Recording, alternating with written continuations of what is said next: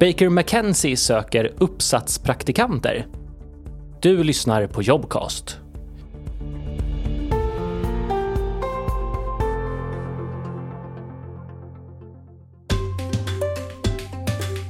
Jag heter Sofie Gidlund och är jurist på Baker McKenzie i kapitalmarknadsgruppen och var tidigare uppsatspraktikant. Baker McKenzie är en väldigt stor global internationell byrå. Finns i 46 länder om jag minns rätt. Ganska stora i Stockholm. En affärsjuridisk byrå.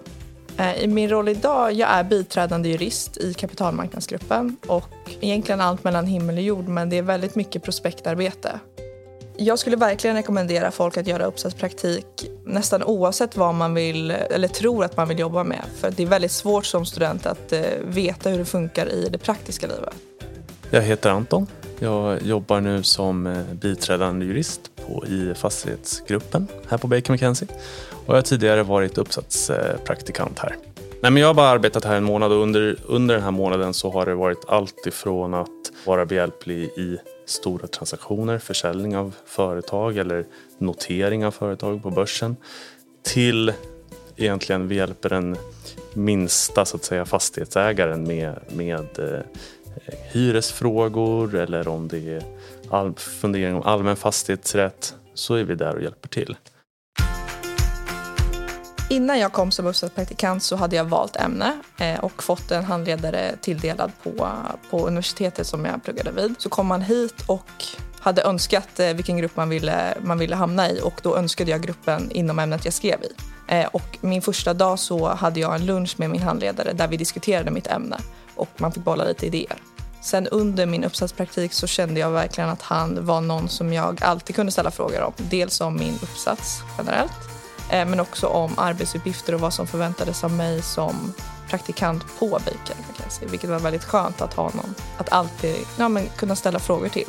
Sen kunde man också ställa frågor till alla andra, men det var skönt att liksom ha någon som man specifikt alltid kunde vända sig till. På särskilda tillfällen utan att på något sätt blåsa i min egen trumpet. När en kollega kommer in och beskriver att nu är det, säger att nu är det kris och panik, vi behöver hjälp och kan du hjälpa till? Om man sitter som, som uppsatspraktikant och känner att nu, nu är det skarpt läge.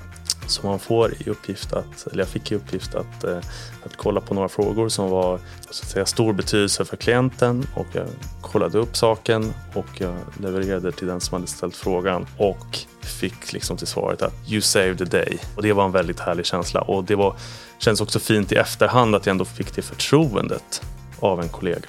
Man måste ju såklart ha, vilket egentligen gäller alla typer av yrken, men med fördel så ska man ju vilja lära sig ständigt.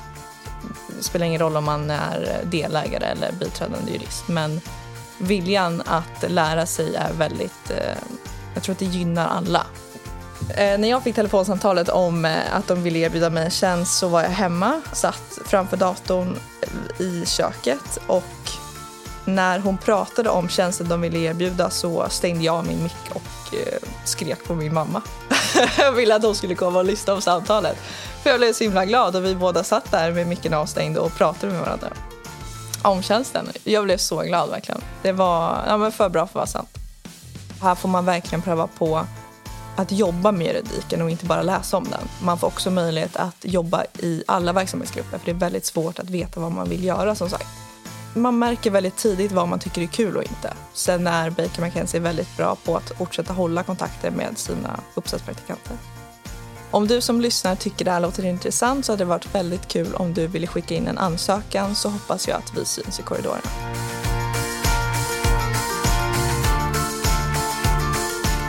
Du har lyssnat på Jobcast. Om du inte redan lyssnar i Jobcast app, ladda då ner den i App Store eller Google Play.